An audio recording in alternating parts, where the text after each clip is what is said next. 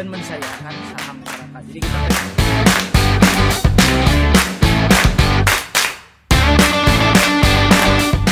beda sama Jakarta kalau orang Bandung tuh uh, listrik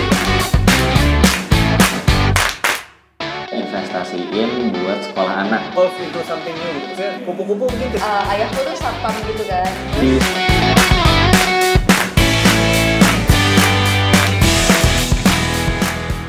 Eh, selamat pagi, siang, sore, atau kapan pun waktu yang teman-teman pakai untuk mendengarkan podcast ini. Kembali lagi bersama saya Panji.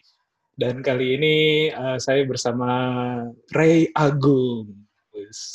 Ya, Teman SMA yang udah jadi gokil banget sih sekarang. Boleh disapa dulu, bro. oke. Halo teman-teman semuanya. Eh, nama saya Ray Agung. Basically, saya bekerja sebagai landscape architect. Eh, Ya, bisa dikatakan hobi atau juga bekerja sambil eh, sebagai landscape architect. Ya, saat ini sih sekarang posisi saya posisi saya lagi di Bogor eh, selama pandemi ini, gitu. Eh, ya, apalagi Ji, perkenalannya. Iya, mungkin ini ya, apa namanya, eh lo kan juga gue lihat juga sering ngisi sharing-sharing ya, ikatan ikatan alumni itu, eh ikatan apa sih, ikatan arsitektur Indonesia ya. Eh, kebetulan memang eh, saya dipercayakan eh, untuk menjadi pengurus nasional IALI. IALI itu Ikatan Arsi- Arsitektur Lanskap Indonesia. Oh, Eh, ya, i- menjabat sebagai kepengurusan di bidang keprofesian. ini gue lo juga nggak apa-apa sih, Ray, nggak mesti saya. Bisa kamu jadi kayak kaku gitu. Atau lo itu yang bawaan profesi. Kalau profesi sebagai arsitektur tuh harus formal. Ah, eh kadang kadang nih, kadang ke saya. Mungkin Gue agak ini juga ditanggung sama lo nih. Wah Allah. kan kita terakhir ketemu kayaknya tahun lalu ya. Itu kayaknya setelah bertahun-tahun kita lulus SMA baru ketemu tahun lalu kan. Setelah berapa tahun? Lulus SMA tuh 2006. Wah. Terus kita baru ketemu 2019. Berarti kan berapa tuh? Eh, 13 tahun. 13 tahun. Dan lo udah jadi sesuatu lo udah jadi sesuatu sesuatu yang oke banget. Eh, Mungkin lo bisa ceritain dulu, Bro.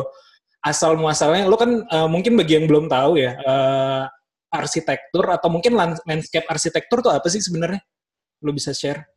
Ya, jadi landscape arsitektur sebenarnya mungkin ya mungkin kurang familiar ya di di mata masyarakat tentang profesi ini. Jadi intinya sih kita memang eh, mendesain apa pun itu di luar di luar eh, wall, di luar dinding, di luar bangunan. Jadi itu kita mendesain apa pun itu eh, yang kaitannya dengan environmental use gitu. Jadi eh, jadi kebanyakan proyek memang kita arahnya eh, seperti mendesain resort, eh, urban urban park, eh, taman kota, terus eh, kita juga mendesain kayak seperti restorasi-restorasi eh, eh, alam, space alam gitu, eh, ataupun space alam yang memang sudah terjamah atau sudah terganggu manusia. Seperti seperti kita restorasi area bekas pertambangan, kemudian area bekas industri kita restorasi lagi seperti itu. Jadi ya gitu memang eh, jadi kita bisa dibilang apa pun yang kita bisa lihat, apa pun yang kita bisa ra- rasakan itu yang kita desain. Jadi eh, karena landscape arsitektur kan eh, asal mulai katanya dari landscape. Landscape itu kan apa pun yang bentangan alam, apa pun yang kita lihat sejauh mata memandang, sejauh eh, rasa dapat merasakan maupun pendengaran itu kita bisa eh, rekayasa. Gitu. Hmm. Gitu, gitu. Kalau boleh eh, lo cerita pertama kali lo sebenarnya lo kan kalau nggak salah eh, masuknya ke arsitektur ya. Itu memang salah satu penjurusan lagi di dalam eh, ilmu arsitektur gitu, landscape arsitektur. Eh, enggak beda. Eh, kebetulan memang kalau waktu saya lulusan, gue lulusan IPB. Eh, IPB basicnya memang landscape arsitektur itu di bawah eh, Fakultas Pertanian Oh, gitu. sekarang. Tapi sekarang eh, sepertinya mereka sudah eh, lulusannya sudah disebut sebagai sarjana arsitektur lanskap. Sebelumnya masih memang sarjana pertanian. Oh gitu. Jadi kita memang basically berangkat dari bagaimana kita menggunakan uh, natural resources. Oh berarti jurusan lo di IPB itu adalah uh, memang spesifik landscape arsitektur gitu ya? Arsitektur lanskap. Oh ya. iya. iya, iya. Tapi di bawah Jadi ada di IPB arsitektur lanskap, Trisakti juga ada, Uni Bra- Brawijaya juga ada. uh, dan itu memang Uh, dan itu memang ini ya, memang apa namanya? Memang beda berarti ya sama arsitektur uh, jurusan arsitektur gitu ya yang dipelajarinya. beda. Jadi istilahnya kalau kita membangun kawasan, arsitek yang buat bangunannya, Hmm. kita yang buat kawasannya seperti itu. Kita yang mendesain kawasan. Hmm, lu bisa ceritain nggak awal asal muasal lu bisa lu kan sekarang sebelum lu balik lagi ke Indonesia for goods ya tahun lalu gitu ya Ya, lu kan banyak ngerjain project internasional dan base-nya kalau nggak salah yang di Beijing ya yang di eh sorry yang di Shenzhen gimana? di Shanghai.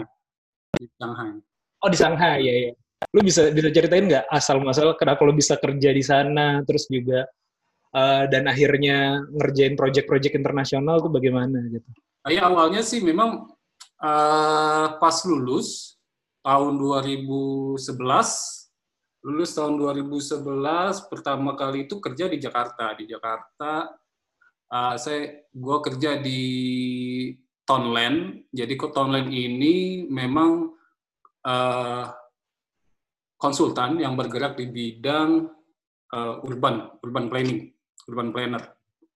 Jadi di situ banyak belajar juga tentang bagaimana kita mengaplikasikan landscape design ke dalam urban planning. Jadi kita kolaborasi sama mereka juga.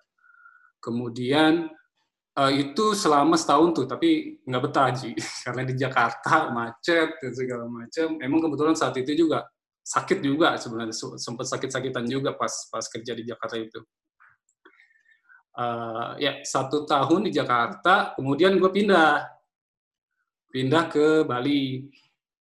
Jadi waktu itu Hmm. waktu itu memang ada tawaran eh, sebenarnya antara dua pilihan, mau ke ada tawaran di Singapura terus Bali. Kemudian karena gua ngerasa masih sakit gitu, masih belum fit lah buat untuk ke mana-mana, jadi ya waktu itu sih decide ya udah langsung ke Bali aja dulu sambil sebenarnya waktu itu nggak niat kerja di Bali. Jadi ya karena pernah sempet magang pas kuliah, magang di Bali, jadi ah pengen balik lagi lah ke sana sekalian ketemu teman-teman lama dulu gitu. Jadi di Bali, tapi ternyata di Bali juga ada tawaran juga sekalian gitu kan.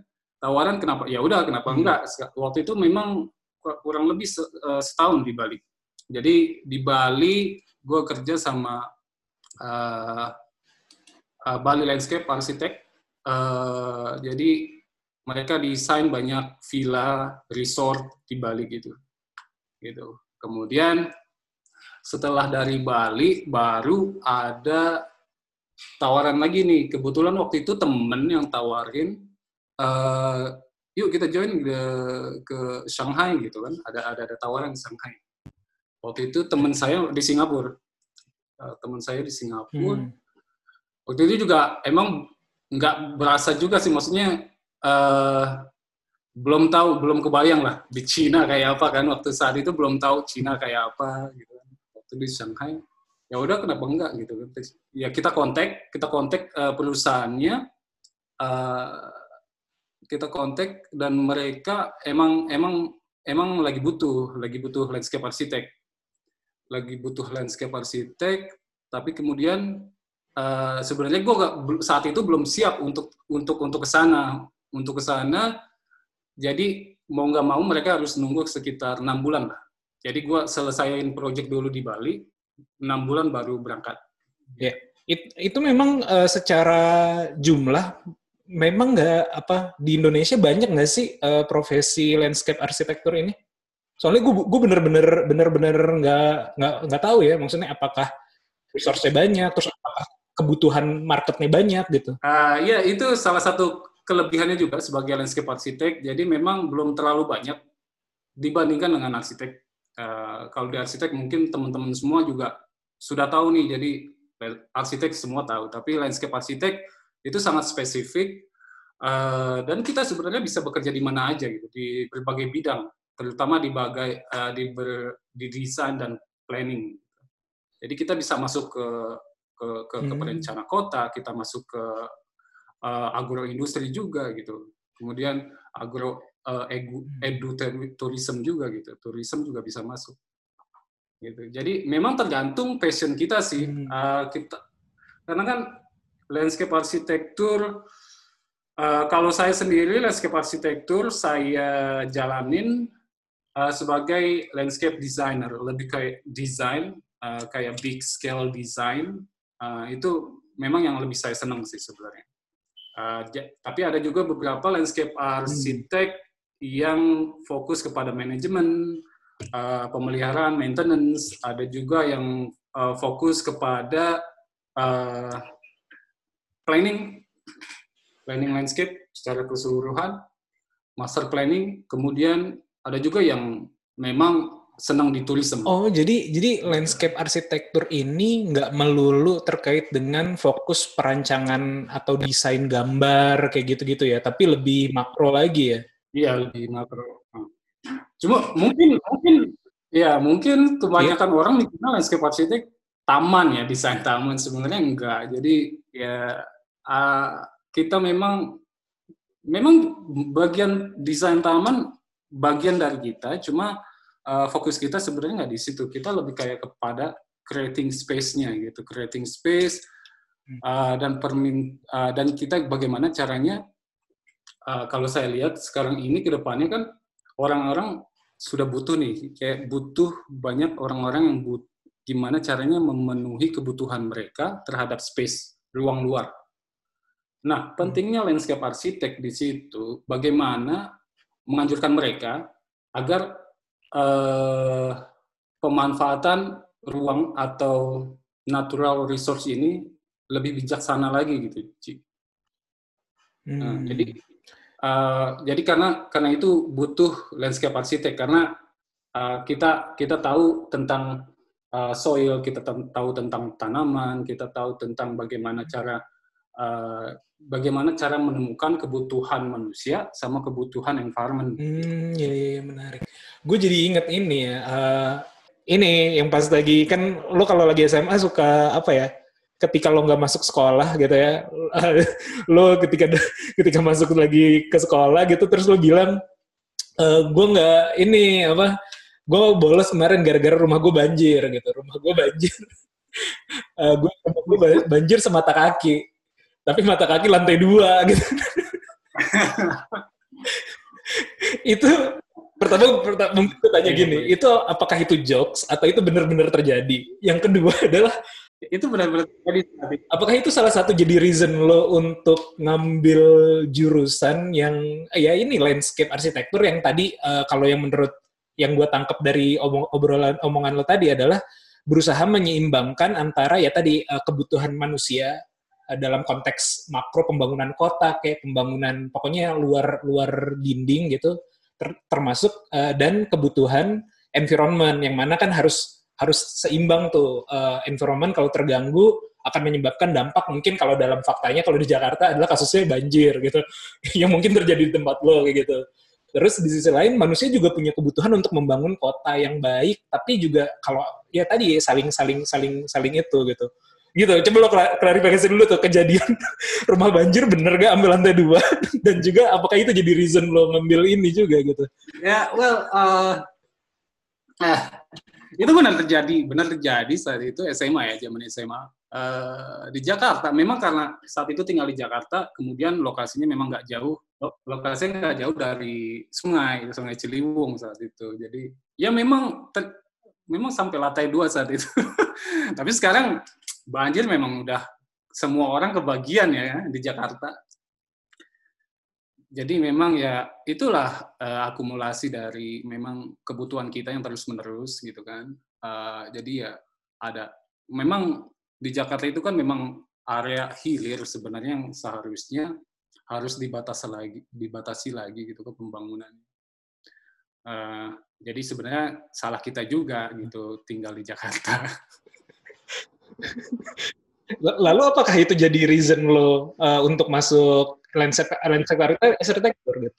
uh, reason gue saat itu sih sebenarnya simple sih. Waktu itu uh, memang gue seneng gambar, senang sketsa. Hmm. Kemudian uh, namanya uh, dengan alam gitu, dengan saya senang hiking juga gitu kan seperti itu. Hmm. Uh, jadi saya lihat waktu itu kan di IPB, di IPB itu jurusan tahun pertama kita belum dapat jurusan. Jadi TPB tahap persiapan bersama saat itu. Jadi selama setahun itu kita bisa lihat-lihat apa yang kira-kira sesuai sama sama passion kita di situ kan. Kemudian jatuhlah pilihan ke landscape arsitektur karena saya senang juga arsitektur. Cuma saat itu mikir-mikir arsitektur juga agak ribet juga gitu karena agak sulit menurut saya agak sulit juga uh, kalau dan peluangnya kalau saya lihat arsitektur sudah banyak banget orang di arsitek sebagai arsitek gitu kan. Kemudian uh, arsitektur landscape ini saya lihat kayak potensialnya lebih besar karena memang isu-isu kita memang ke arah green, ke pembangunan yang lebih uh, ramah lingkungan seperti itu. Jadi uh, ya udahlah, jadi diputuskan gua ambil itu. Halo Ji, sorry putus tadi Ji. Sebentar dulu. Oh putus-putus. Ini, ini gue mendingan pakai ini apa enggak? Suara gue jelas nggak sih?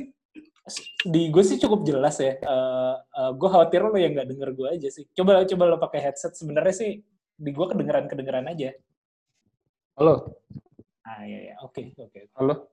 Boleh boleh. Better nggak? Hmm, ya sama sih, sama aja sih. Lu cuman lebih lebih bulat aja, lebih bulat suaranya. Uh, lebih ini bold, kurang ya. nggak ya. nih berarti. Ulang aja lah. Oh, udah nggak apa-apa. Tadi biar biar natural.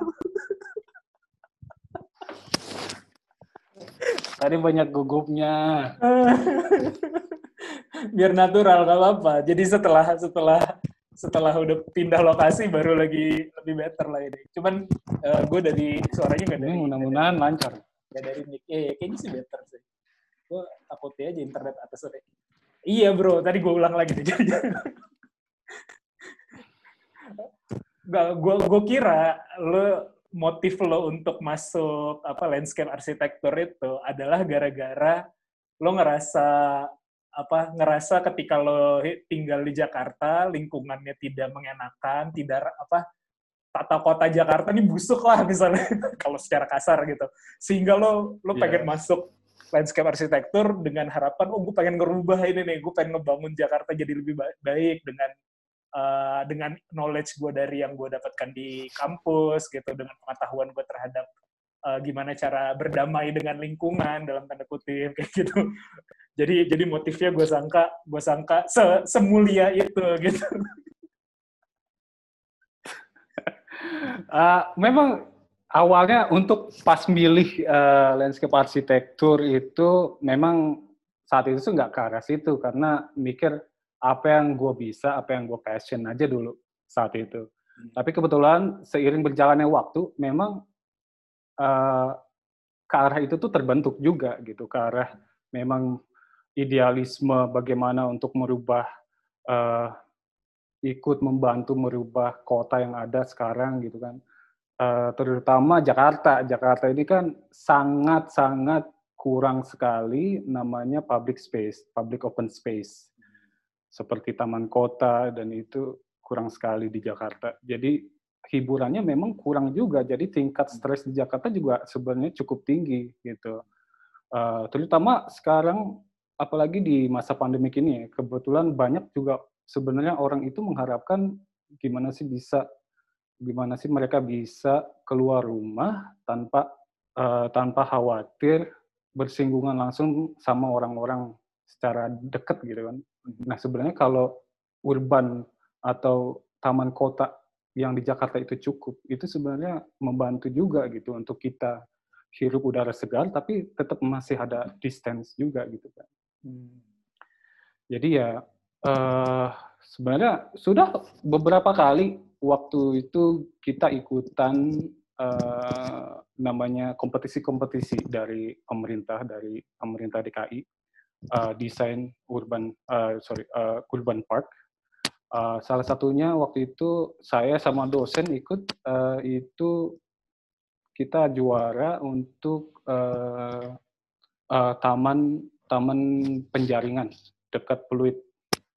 Itu desain taman kota uh, cukup luas, uh, tapi ujungnya ujung-ujungnya memang realisasinya nggak maksimal. Gitu. Hmm. Jadi tapi udah diimplementasi. Sudah, sudah. Uh, desainnya kita ada, desainnya kita sudah sudah buat. Memang bagaimana cara kita uh, merubah area ini menjadi gimana bisa mengatraksi orang-orang ke dalam tapak gitu kan. Orang-orang bisa beraktivitas di sana. Kemudian juga kita kita buat juga wetland di situ, wetland untuk menjaga uh, keseimbangan lingkungan di sana gitu kan. Tapi akhirnya ujung-ujung memang konstruksinya karena kita kita nggak terlibat langsung di konstruksi saat itu uh, ujung-ujung ya tergerus juga gitu hasilnya nggak maksimal pas Iya. implementasi. Iya sih. Uh, Gitu. kalau jadi kalau- ya sebenarnya kalau yang rancang juga, bukan juga sebagai kontraktornya pasti ada ada gap lah ya antara desain dengan implementasi di lapangan ya gitu ya. Iya, jadi seharusnya memang pemenang atau perencana ini dilibatkan eh, sampai eh, proyek itu jadi gitu. Hmm. Sementara kebanyakan sayembara-sayembara kompetisi-kompetisi desain yang pemerintah lakukan itu sebenarnya sebatas hanya konsep ide aja sebenarnya saat ini. Ya, sebelum sebelum ngomong, ngomongin COVID ya, sebelum ngomongin masuk ke dampaknya terhadap COVID juga. Gue gue lo kan tadi bikin, bilang oh ya gue menang di eh, Jakarta terus jadi bikin taman penjaringan. Lo boleh eh, ini nggak boleh sombong nggak? Lo udah bikin area mana aja sih sebenarnya di Indonesia ataupun di, di di Cina gitu kan? Lo kan lo kan udah lo Eh. berapa tahun sih di di, di Shanghai ya? Tuh? Di Shanghai enam tahun. Nah pasti kan udah banyak banget tuh ngerjain project-project kan. Ya, alhamdulillah. Ya, banyak yang banyak yang sudah terimplementasi gitu. Artiannya sudah dibangun. Eh, di Jakarta sendiri, di, di Jakarta, ya awalnya mungkin saya ceritain dari kompetisi-kompetisi ini. Kompetisi eh, sebelumnya saya senang ikut kompetisi saat, saat sa- waktu gua masih kuliah gitu senang ikut kompetisi. Waktu itu sempat ikut kompetisi juga di Taman Bunga Nusantara. Mereka kayak mau buka buka land baru di sana. Kebetulan dapat juga saat itu cuma juara tiga teman. Juara tiga di sana. Eh, kemudian Taman Topi juga kita dapat juara tiga eh, di Taman Topi. Cuma sampai sekarang nggak ada implementasi. Eh, walaupun saat itu memang pemerintah bilang eh, dari juara satu, juara dua, juara tiga akan dikombinasikan kan eh, Desainnya. gitu. Tapi ternyata akhirnya enggak. Mm-mm. Taman Topi itu di mana sih ya? Kalau Taman yang Topi Taman? Topi ini sendiri, Taman Topi di depan stasiun Bogor. Oh. Itu yang taman itu banyak banyak eh, tukang sepatu segala macam. Oh. Iya. Eh, ide waktu itu sih kita memang buat akses dari pintu masuk Taman Topi sampai ke Masjid Agung gitu, Hmm. menghubungkan antara dua itu. Kemudian kita tutup area yang angkot itu yang depan Depan stasiun. depan dulu kan stasiun langsung jalan dan banyak angkot gitu kan. Nah itu waktu itu desain kita juga memang menutup akses itu gitu. Jadi gimana caranya ini eh, stasiun Bogor ini bisa menjadi bagian dari eh, park Taman Topi gitu. Ya, saat itu seperti itu. Eh, tapi nyatanya mungkin ag- a- sedikit ada perubahan sebenarnya sekarang ini. Eh, sekarang memang sudah mereka tutup kan ja- jalur angkot itu di depan di depan stasiun sekarang. Cuma di parknya sendiri, di tamannya sendiri, taman topinya sendiri belum belum ada apa-apa, sih, belum di- diganti. Eh, itu Eh, yang lain, ya banyak sih sayembara-sayembara itu ada yang dapat, ada yang enggak gitu kan. Kadang juara satu, juara tiga, banyak. Kemudian mungkin di Cina, ya di Cina, jadi di Cina itu memang saya kerja sama eh, pertama American Company yang tahun Amer- American Company tiga tahun, kemudian tiga tiga tahun selanjutnya itu British Company. eh, yang American Company banyak project sebenarnya yang seperti mungkin di Shanghai sendiri kita pernah ngerjain kayak banyak komersial plaza banyak jadi banyak eh, komersial plaza itu komer ya plaza-plaza untuk perkantoran untuk eh, untuk untuk eh, mall dan segala macam. Waktu itu pernah yang sampai jadi itu Lipo Lipo Plaza di Shanghai.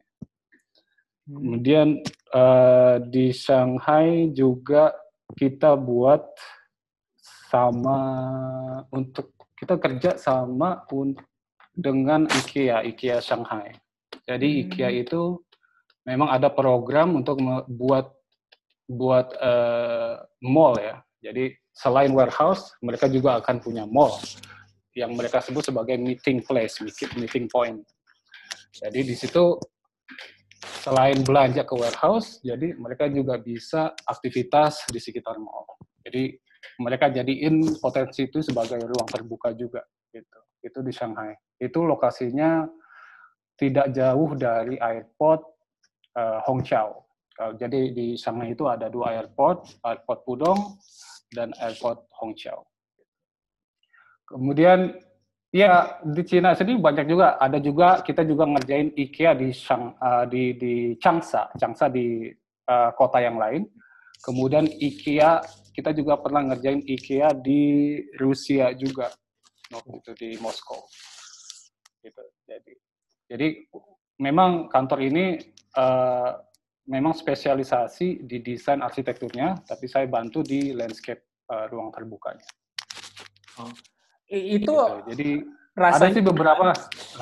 Rasanya gimana ketika lo lo membuat sesuatu yang tadinya kan hanya dalam bayangan lo aja ya, hanya dalam eh, pikiran lo aja, lalu lo tuangkan ke desain, ke gambar gitu ya. Lalu Mhm. Eh, ternyata setelah jadi kan lo bisa jalani apa yang lo desain itu lo, lo, lo telusuri secara fisiknya, space-nya lo datengin kayak gitu. It- itu feel-nya apa? Gue nggak kebayang sih yang kayak gitu. Eh, ya senang sih, tentunya senang gitu. Jadi eh, tapi jadi pembela bahan pembelajaran juga buat kita. Jadi apa sih yang bekerja, apa sih yang nggak bekerja gitu. Ketika kita eh, site visit di tapak, ketika udah jadi ya. Eh, yang kayak Lipo Shanghai, gimana? eh, itu juga Lipo Shanghai, Lipo Plaza Shanghai itu eh, sebenarnya area yang sibuk juga, komersial area yang sibuk juga di sana, jadi banyak dilalui orang. Jadi, jadi kita bisa lihat datang ke sana, orang ngapain sih sebenarnya di tapak ini, apa yang mereka lakuin di situ, Foto- sekedar foto-foto kah, atau memang mereka duduk-duduk gitu kan. Eh, ya seperti itu sih. Jadi ada ada juga pembelajaran pembelajaran yang kita bisa ambil juga dari situ. Jadi apa yang bekerja, apa yang tidak bekerja. Jadi kita bisa gunain itu untuk uh, project berikutnya. Eh, Iya. Lo, inget nggak apa yang pernah lo buat pertama kali dan terrealisasi gitu? Ya itu sih, uh, Lipo Plaza Shanghai. Kemudian yang terrealisasi lagi Lingkong Shanghai juga. Sekarang sih banyak dari project-project ini masih under construction kayak mungkin sekarang udah selesai kali ya. Jadi ya gua harus harus cari juga tuh foto-foto yang terakhir seperti apa update Iya, iya. banyak juga yang ya area-area kita desain area-area compound jadi area-area perumahan jadi kan apartemen kompleks gitu jadi itu banyak yang sudah terrealisasi sebenarnya jadi residential landscape Lo pernah mem- meng- ini nggak mengecek tadi kan lo bilang oh ya site visit terus juga ngelihat orang eh, ngapain di sana. Misalnya lo pernah bikin nggak sih suatu area atau suatu ruang terbuka ataupun apa pun yang lo bikin gitu. Tadinya lo harap eh, ketika lo desain "Eh, ini harusnya nih orang eh, bisa duduk di sebelah sini nih atau akan menikmati dengan cara seperti ini gitu dalam dalam pikiran lo ketika merekayasa itu gitu ya. Tapi Hmm. pada kenyataannya ternyata ternyata berbeda atau jadi fungsinya jadi berubah atau bagaimana? Pernah nggak kejadian kayak gitu? Hmm. Ah, ya itu itu ya bisa juga ya pernah sih terjadi seperti itu Eh, Uh, mungkin nggak secara spesifik karena kita juga pas saat visit juga kita nggak tahu juga pas saat itu apakah memang uh, pas behaviornya saat saat itu seperti itu gitu. Kita juga nggak tahu. Mungkin next day uh, user yang lain juga beda lagi cara mereka uh, interpretasi tapak itu gitu. Jadi uh, jadi itu sebenarnya unik juga uh, karena kita juga bisa lihat gimana mengatraksi uh, people hmm. biar masuk ke site kita dan kita lihat apa sih interpretasi orang kan beda-beda ya. Bisa jadi bangku duduk ini, misalkan bangku duduk ini bisa jadi digunain sama orang lain untuk tidur tiduran, untuk hmm. untuk uh, untuk nongkrong dengan teman-teman semua gitu Atau lawn ini jadi jadi memang fungsinya itu kita enggak spesifik untuk satu uh, satu penggunaan aja sebenarnya. Kita bisa multifunction juga seperti lounge, jadi seperti uh, bisa event di situ, bisa acara gathering di situ, bisa musik di situ gitu kan seperti lounge. Jadi lounge sebenarnya berperan banget di di, di ruang-ruang terbuka. Hmm, jadi gitu ya. bermacam aktivitas bisa kita ambil yeah, sebagai yeah, bahan iya. pembelajaran. Iya kalau dari sisi apa namanya uh, ketika prosesnya gimana sih ketika lo mau membuat itu uh, membuat suatu rancangan gitu ya membuat membuat rancangan uh, landscape uh, arsitektur itu lo lo perlu mengetahui insight masyarakatnya kah atau lo memang tutup aja yang penting uh, klien maunya seperti ini atau lo datang dari dalam oh, ini kayaknya bagusnya seperti ini gitu. prosesnya bagaimana sih hmm. Oh ya, itu tergantung tipe projectnya. Tipe project uh, kalau memang itu engaging sama sama neighborhood, sama uh, lingkungan sekitar, orang-orang lingkungan sekitar, uh, biasanya ada namanya uh, ya desain charity lah untuk mereka. Kita ngumpulin ide-ide dari, dari mereka yang mereka butuhin apa di situ. Hmm. Jadi gitu. Uh, tapi kebanyakan project yang kita lakuin itu kebanyakan swasta. Jadi memang ya berdasarkan apa yang klien mau, apa yang kita bisa sarankan untuk mereka. Uh, yang pertama kita lakuin memang site visit tentunya, ketemu klien, commission, uh, kita ketemu klien, kita site visit, apa yang ada di sana, natural resource apa yang bisa kita manfaatin, atau mungkin kita bisa hindarkan gitu kan. Hmm. Misalkan flow kayak banjir, gimana caranya uh, kita hadir dengan solusi-solusi ini gitu. Hmm. Kemudian dari habis site visit kita dapat data nah, data inventarisasi ini sendiri gitu. Inventarisasi sendiri ini kita bisa buat untuk analisis analisis tapak.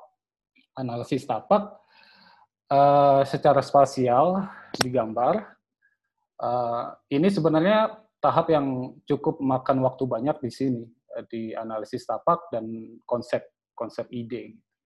Hmm. Jadi setelah analisis kita juga hadir dengan konsep ide gimana uh, tapak kita mau diapain sih sebenarnya. Jadi sesuai apa yang klien mau dan sesuai uh, expertise kita sebagai landscape arsitek apa yang sesuai gimana menemukan ke, ke, apa yang klien mau dengan dengan dengan kebutuhan lingkungan ini.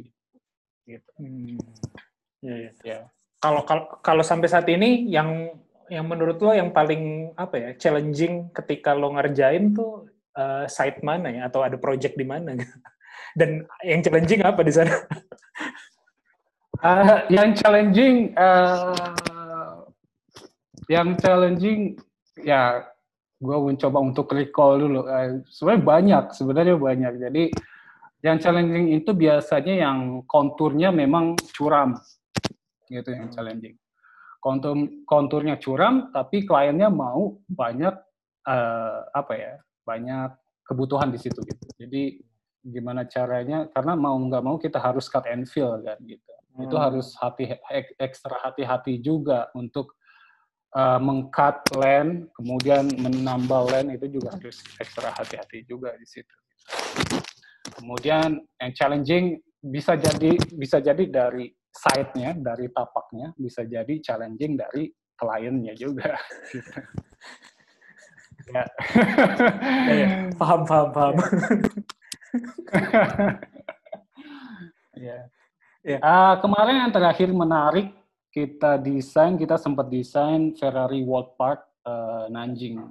Jadi ya Ferrari World Park di Nanjing, mereka mau buat ya seperti macam yang di Dubai. Eh, di samping itu juga mereka ada Legoland di sampingnya. Jadi memang ini development ini sangat-sangat besar. Mereka rencanakan sangat besar. Eh, kita up di sana dan kita come up, eh, kita hadir dengan beberapa konsep vision. Jadi, jadi mau dibuat seperti apa pak ini. Gitu. Jadi kita memang di kita bantu di konseptualnya aja di sana. Gitu. Mungkin kalau ini rencana mau jadi kayaknya 2022, 2022 kalau nggak salah. Sekarang tahapnya udah sampai kita ada karena pers- Ah, ini gue kurang tahu lagi eh, kemar- Iya, se- setelah ini gue belum tahu lagi sih, karena mereka juga harus eh, untuk mendevelop ini government juga kan harus eh, sangat erat dengan government. Kemudian ada juga eh, dua kemungkinan juga eh, kayak lahan ini untuk si Legoland apakah dia mau juga ambil atau enggak gitu kan. Jadi agak lama di administrasi sepertinya sih. Sebenarnya mereka mintanya cepat saat itu, kemudian COVID datang juga kan. Jadi jadi gue nggak tahu lagi ya lost update juga sih. Nah, kalau kalau dari sisi ini kan kalau gue lihat ya eh, dalam pandang sudut pandang orang awam ya yang tidak tidak tidak paham dalam dunia Iya, iya. lah. Ya Gue juga nggak ngerti kalau kalau kalau nggak nggak melakuin ini juga gue nggak ngerti. Oke, oke, dalam dalam konteks itu sebenarnya apa yang lo lo kerjakan kan eh, besar ya. Maksudnya lo ngerjain proyeknya IKEA, lo ngerjain Lipo Plaza gitu eh, di luar negeri gitu. Terus Nanjing Park tadi, terus juga untuk Ferrari eh, apa untuk eh, apa sirkuit ataupun apa Legoland kayak gitu juga. Eh, apakah pekerjaan eh, apakah lo, lo melihat pekerjaan lo lebih dihargai di luar dibanding di Indonesia? Eh, kalau itu sa- mungkin bisa saya bilang saat ini ya eh, mungkin eh, makanya kita juga selain bisnis ini juga kita juga harus tetap edukasi sih di Indonesia ini harus kita tetap edukasi apa sih landscape arsitektur itu gitu. Apa sih yang kita bisa lakuin untuk eh, di, di, di pekerjaan kita gitu. Eh, iya kalau kalau untuk nilai kalau lo bilang dihargai atau enggak dalam segi uang ya, jadi ya, ya jelas masih jauh, masih jauh, ya masih jauh. Ya, eh, kalau di luar nilai uang, apakah apakah misalnya dalam dalam konteks eh, perancangan kota atau perancangan area tertentu, eh, government ataupun ya eh, kontraktor Indonesia sudah mulai melirik eh, landscape arsitektur apa enggak sih? Atau lo memang kalau alumni-alumni misalnya di kampus lo gitu di IPB, kebanyakan memang kerja di eh, perusahaan luar kayak gitu. Eh, enggak banyak juga yang bekerja di perusahaan lokal, jadi eh, banyak kayak proyek-proyek skala kecil menengah lah di sini ya kebanyakan.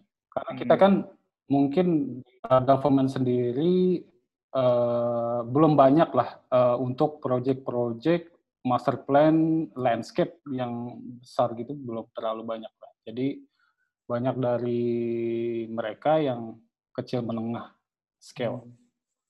Maksud gue sebenarnya kayak dari tahun 2014, karena gue juga sempat beberapa kali terlibat dalam ininya ya, FGD, FGD-nya gitu, dalam konteks uh, bisnis teknologi gitu. Pemerintah tuh lagi gencar-gencarnya dari dari periode sebelumnya ya, pengen ngebangun namanya tuh uh, STP, Science Technopark ya. Uh, Hmm. Science Technopark itu kalau nggak salah targetnya bahkan setiap provinsi punya gitu loh. Setiap provinsi Oke. punya. Eh, yang mana sebenarnya kan kalau kita bicara Science Technopark, eh, kalau kita berkaca ke STP-STP di luar negeri, eh, oke lah dari sisi kontennya memang harus eh, ramai gitu ya. Tapi dari sisi perancangan tempatnya, di mana didesain agar orang bisa berinteraksi atau lembaga-lembaga yang dari sana bisa berinteraksi kan juga mungkin butuh insight dari teman-teman landscape, landscape arsitektur ya kayak gitu ya. Ya, eh, sebenarnya bagus sih sebenarnya kalau kalau kalau memang kita pemerintah kita sudah mau ke arah situ ya, itu kurang lebih sama seperti Cina ya. Karena Cina semua semua kota punya science science park, science science techno park ya. Hmm. Dan itu di Cina memang benar-benar ranahnya landscape architect. Jadi kita yang ngerjain sebenarnya untuk Hmm. eh, science teknologi itu sebenarnya landscape architect yang ngerjain. Setelah eh, dengan guideline dari master planner dari dari tata kota. Jadi ke arah desain yang lebih mendetail itu memang ranah kita, sudah ranah kita di di, di Cina itu gitu. Mungkin di sini eh, ya mungkin di sini mungkin saya juga belum tahu sih nanti ke depannya gimana apakah tendernya akan lebih terbuka atau enggak. Hmm, iya, iya, iya. Iya sih. Eh, Sebenarnya berarti bagus juga kalau memang iya, kenapa? mengikut sertakan landscape arsitek dari awal gitu.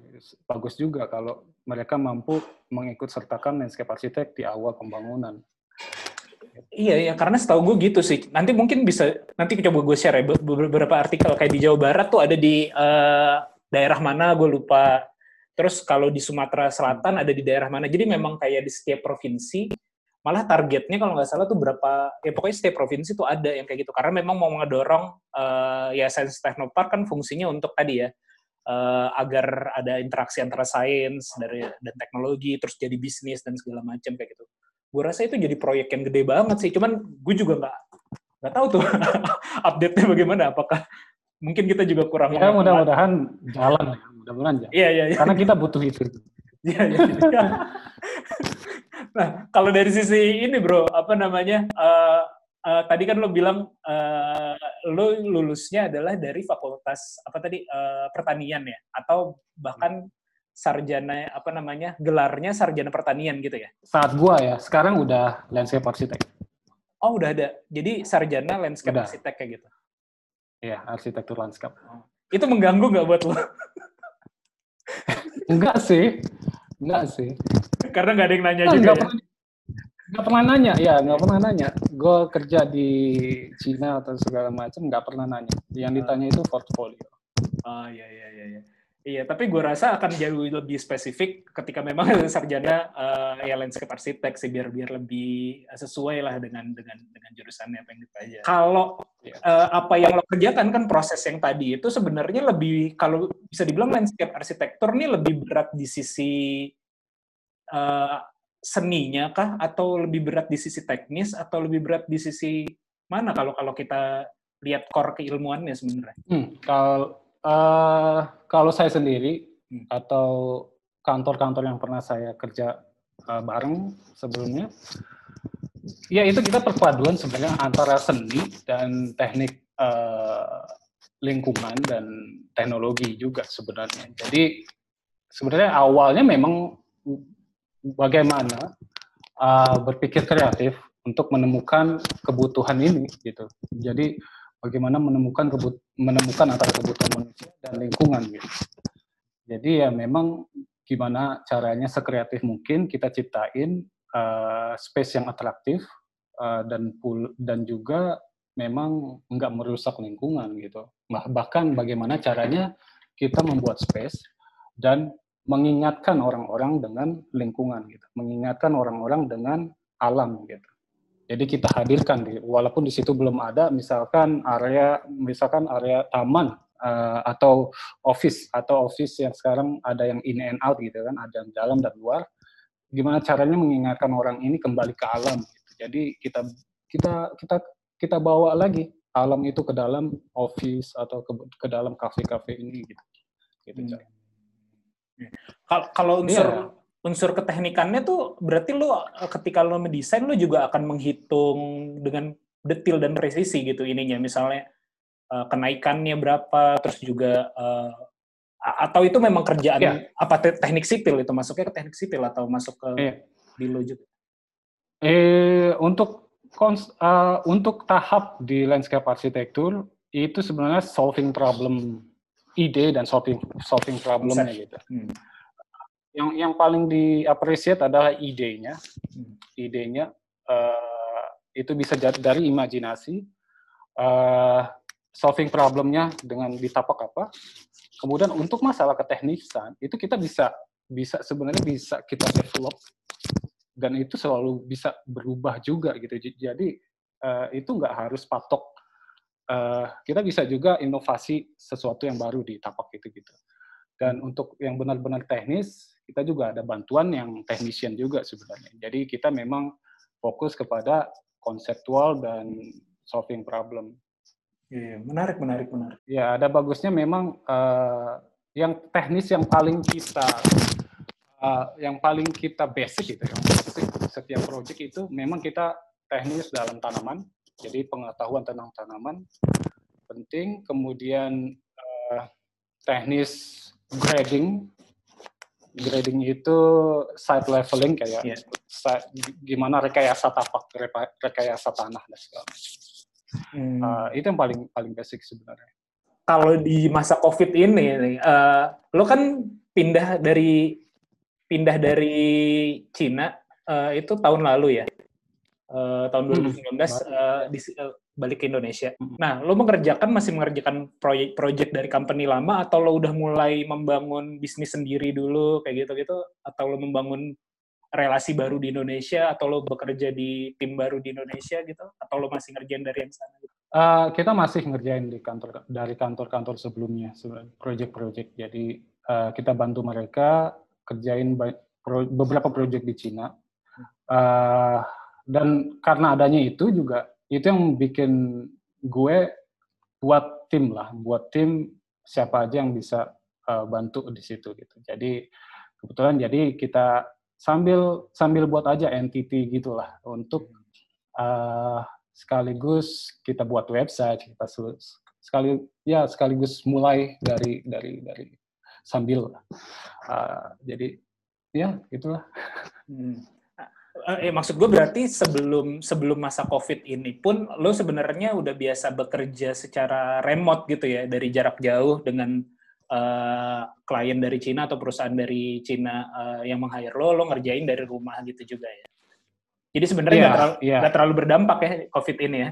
ya nggak nggak terlalu berdampak malah kebetulan akhir-akhir ini malah lebih sibuk juga sih sebenarnya pas covid ini sibuk banyak beberapa kerjaan yang kita harus uh, kerjain gitu jadi ya working from home jadi bukan bukan bukan hal yang luar biasa lagi sebenarnya udah biasa juga seperti itu Oke, lo, lo ceritain dong eh, yang eh, venture lo atau apa tadi entitas baru yang lo baru lo buat itu kayak gimana tuh sekarang?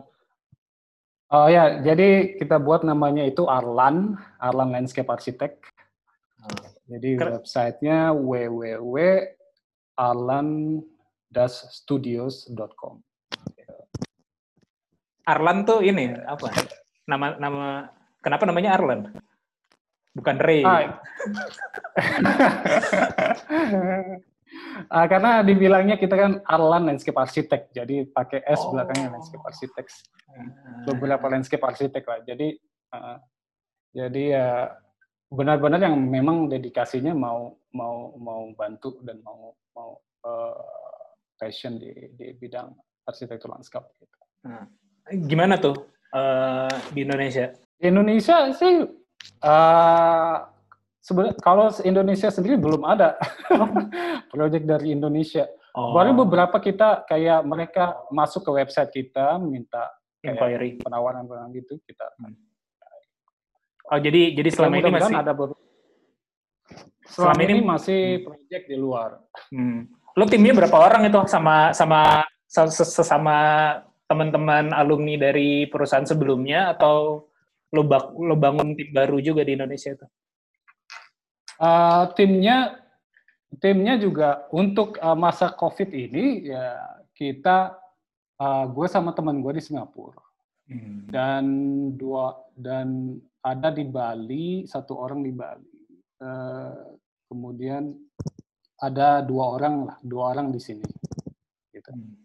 Jadi kita ya tergantung apa yang kita butuhin sih. Ah, jadi karena kan tahap desain kan macam-macam nih. Ah, tergantung klien minta tahapnya sampai mana jadi kita gunakan resource-nya berapa orang. Jadi Oh. mungkin kalau key, key personalnya mungkin cuma lima orang. Oh. Berarti ini sebenarnya lo udah mulai melakukan apa ya? Ibaratnya kayak bukan cuman lo sebagai personal profesional sendiri, tapi dari perusahaan perusahaan induk lo atau perusahaan yang lo bekerja sebelumnya nge ibaratnya apa ya? Nge-subkon ke lo gitu untuk suatu project tertentu gitu ya. Betul. Ya, ada juga beberapa proyek pribadi sendiri, pri- pribadi juga masuk.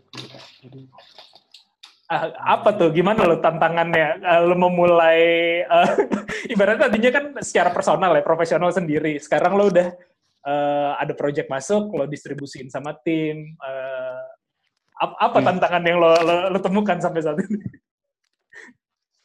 Tantangannya eh, sejauh ini sih koordinasi karena karena pas pas terbentuknya ini kan eh, COVID datang gitu kan. Tantangannya itu koordinasi. Eh, koordinasi ya kita harus tetap eh, jarak jauh sebenarnya walaupun kalau tatap muka lebih enak ya sebenarnya. Eh, ta- kemudian mungkin memang tergantung skala proyeknya sendiri juga skala proyeknya sendiri juga sebenarnya proyek itu satu orang eh, dua orang pun cukup gitu untuk untuk konseptual ide ya itu cukup nanti kemudian kalau memang sampai pengembangan desain dan itu kita memang uh, outsource sebenarnya biasanya outsource Iya ya, gue harap ini sih ya. eh, satu mungkin ya Hmm. awareness, awareness apa ya, awareness eh, orang Indo gitu terkait dengan landscape arsitektur lebih meningkat ya. Karena gue lihat kan beberapa kota sekarang tuh udah mulai, misalnya kayak Bandung atau eh, Jakarta juga udah mulai sangat lebih peduli kepada ruang publik ya kayak gitu-gitu. Awareness-nya kan udah naik kayak gitu. Dan gue rasa kan juga pasti dibutuhin nantinya di situ. Cuman yang jadi masalah sebenarnya kalau kalau eh, kaitannya sama terutama kerja sama government kadang-kadang mereka hanya pengen bikin aja sih tapi tidak tahu apa ya maksudnya tidak tidak. Ini kita nggak apa-apa nih ngomongin government di sini nih. Ya gue sih nggak apa-apa ya. Maksudnya kan tipis-tipis tidak tidak kita sebut spesifik. Tapi kan hanya hanya apa ya apa ya? Hanya ada ada ada pernah gue ini pengalaman gue ya. Tapi tadi mungkin konteksnya agak berbeda eh, dengan tapi mirip mungkin ya gue lihat.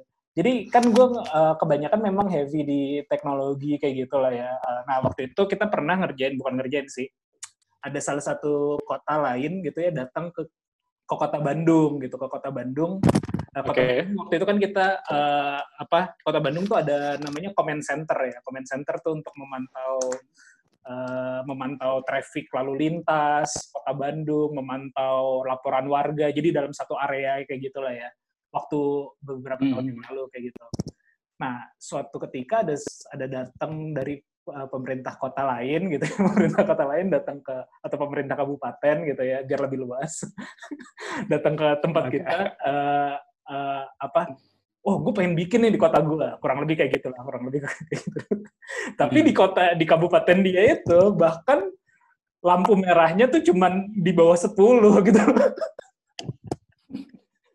Jadi jadi pengen sekedar apa ya? Pengen sekedar pengen sekedar keren ada gitu. Tapi lu tidak menjawab solusi eh, tidak menjawab masalah dengan solusi gitu. Oh, lu kota lu tidak butuh sebenarnya yang yang Iya. rumit ini gitu loh. Ngapain? Lu lampu merahnya aja cuman berapa? Latah latah ya. Tapi mungkin kalau dari sisi pragmatis ya kalau gue ngelihat dari sisi pragmatis bisnis sebenarnya bagi bisnis itu juga baik-baik aja kan ketika ada ada, ada Iya, orang a- bayar ada aja project gitu kan. Iya, ada aja project. nah, gue nggak tahu lo udah menemui uh, project selama ini ataupun membangun entitas di Indonesia ini lo udah ketemu yang model-model kayak gitu atau enggak? Atau secara idealisme mungkin ya saat ini lo ketika mendapatkan project yang kayak gitu bagaimana tuh? Misalnya ah iya permukaan aja lah gitu hanya sekedar dalam tanda kutip mungkin gimmick kayak gitu ya udahlah gue garap juga tapi apa lo memang secara idealisme pengen ah gue pengen ngerjain yang benar-benar ya tadi problem solving atau Iya. Eh, well, macam-macam sebenarnya kan masalah. Eh, yang seperti itu sih di Indonesia sendiri belum ada, belum belum nemu lah, belum nemu. Eh, tapi kebanyakan kalau kita kita pikir ini kesesuaian gitu dengan ini sebenarnya project worth it apa enggak atau atau haruskah kita lakuin ini project di sini gitu kan. Itu biasanya kalau memang kalau memang masih masuk akal ya kita kerjain. Cuma kalau udah nggak masuk akal karena pertama mungkin kita harus lebih ngobrol banyak sih sama kliennya lebih ngobrol banyak sama klien sebenarnya yang dimau tuh apa? Apakah benar-benar cuma mau mengikuti ini atau apa gitu kan? Jadi apakah dengan berjalannya proyek ini ini menyelesaikan masalah dia sendiri gitu kan? Karena bisa jadi atau bisa jadi malah kita ngerjain ini malah di tengah jalan ini jadi masalah buat kita juga sebagai desainer gitu. Jadi ya amannya sih kita kalau seperti itu kita nggak ambil. Gitu.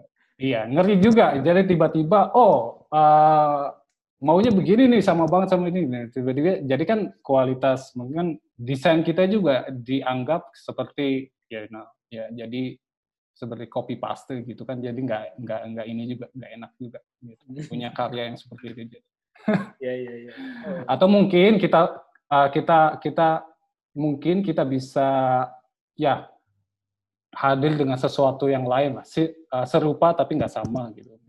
Bisa juga ya bagus bagus mudah-mudahan tetap terjaga mudah-mudahan jadi memang uh, terutama di landscape arsitek kita harus juga sering memang ngasih edukasi juga. Jadi apa sih yang kita bisa lakuin, apa yang bisa koridor-koridor kita di mana gitu.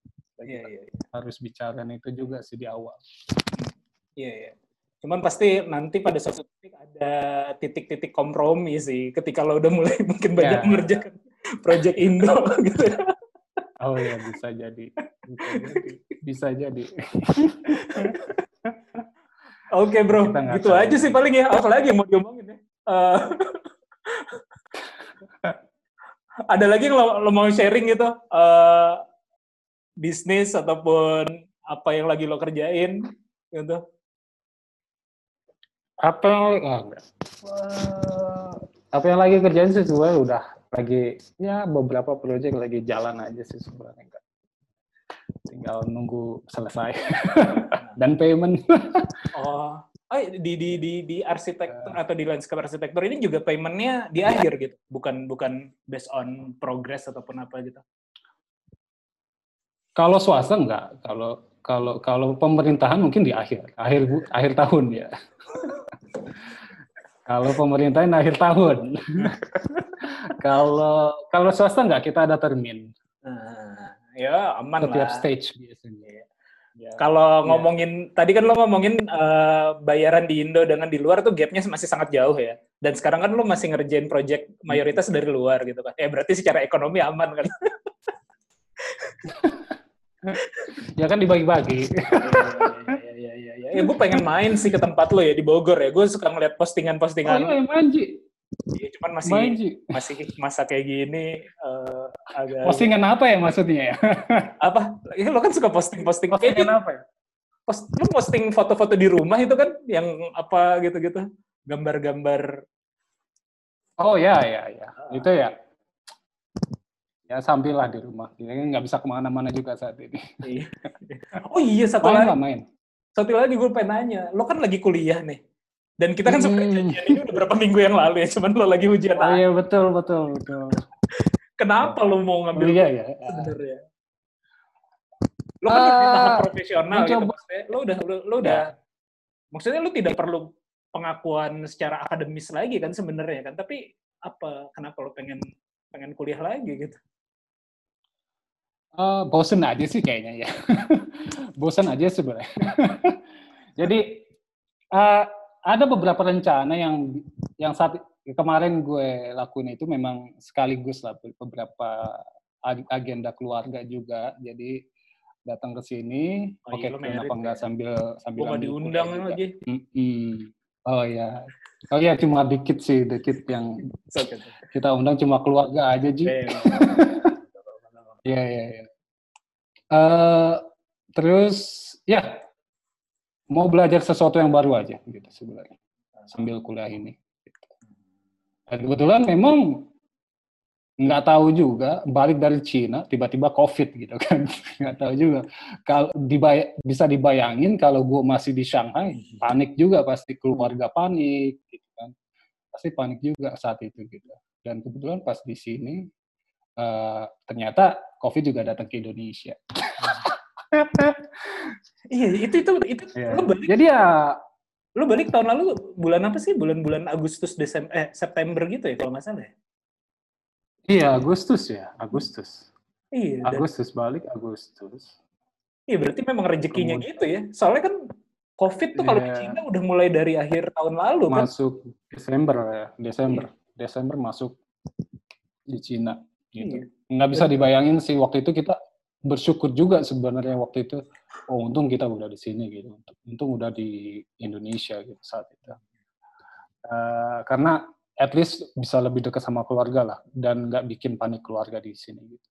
gitu. Hmm. Jadi memang saat COVID ini ya saat memang untuk rehat lah ya, untuk break dari semuanya gitu, dari pekerjaan sebenarnya pekerjaan yang rutin ya sebenarnya untuk untuk gue sendiri gitu. Jadi ya ya sambil belajar aja sih, sih di COVID ini ya sambil kita nikmatin aja lah, santai Hmm. aja dulu.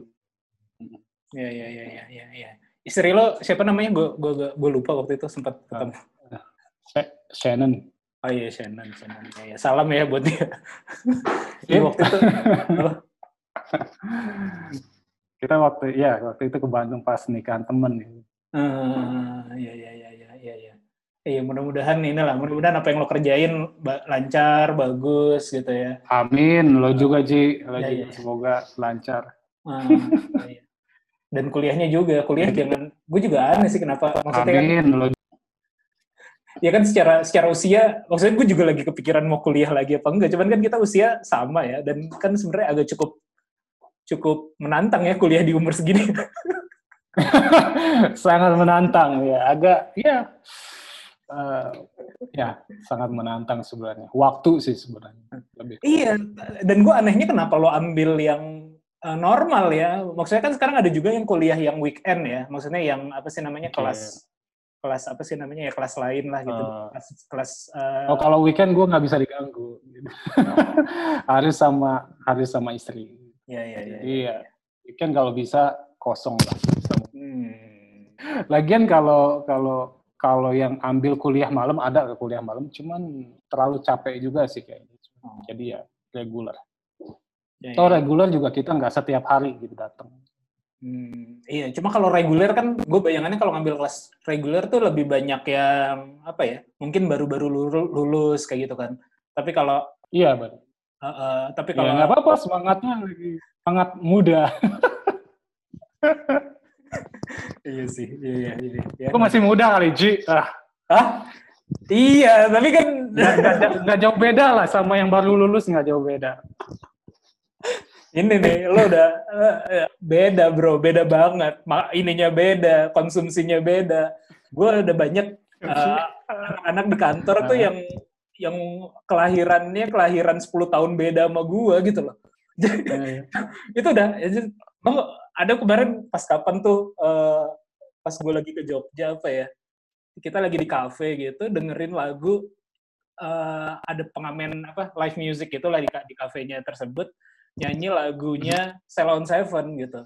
Nyanyi, nyanyi lagunya Salon Seven. Mereka anak Jogja gitu. Terus Mereka nggak "Ih, tahu. mereka ini lagunya enak ini yang nyanyi siapa ya sebegitu jauh gitu Padahal dari Jogja.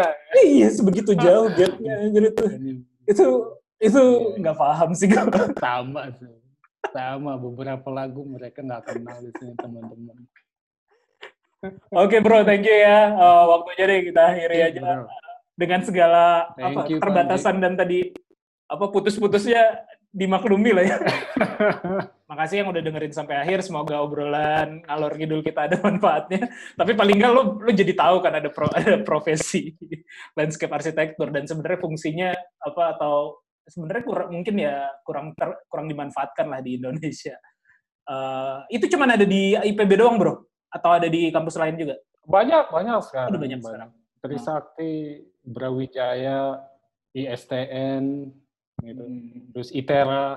Hmm. Sekarang udah ba- banyak yang baru buka sebenarnya. Oh iya iya iya ya semoga juga makin ini ya. Ya gue lihat juga kalau kan eh, gue lihat tadi tuh ininya apa ikatan ikatan arsitektur landscape-nya itu ya ininya apa namanya Instagramnya ya.